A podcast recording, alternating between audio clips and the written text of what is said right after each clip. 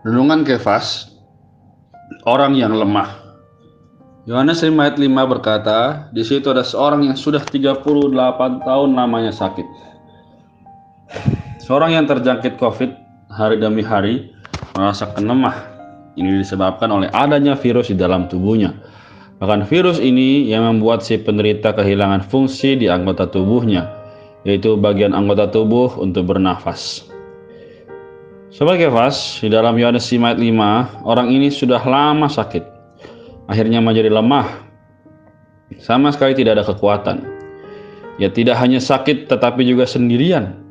Ia sakit dan berbaring di tepi kolam, menantikan penyembuhan. Tetapi ia sendiri kekurangan kekuatan untuk kesembuhan itu.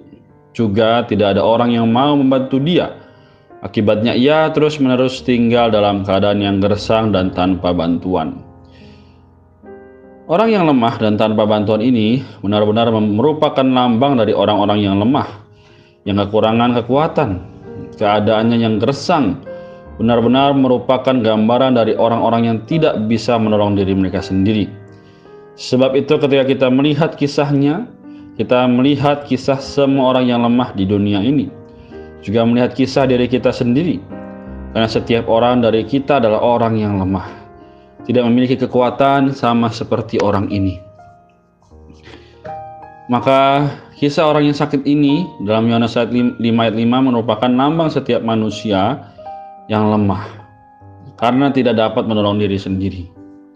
Juga orang yang lemah perlu kekuatan. Maka kita perlu berdoa agar Tuhan bisa menguatkan kita.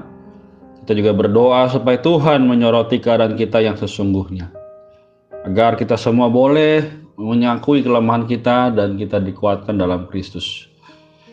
Tuhan Yesus memberkati.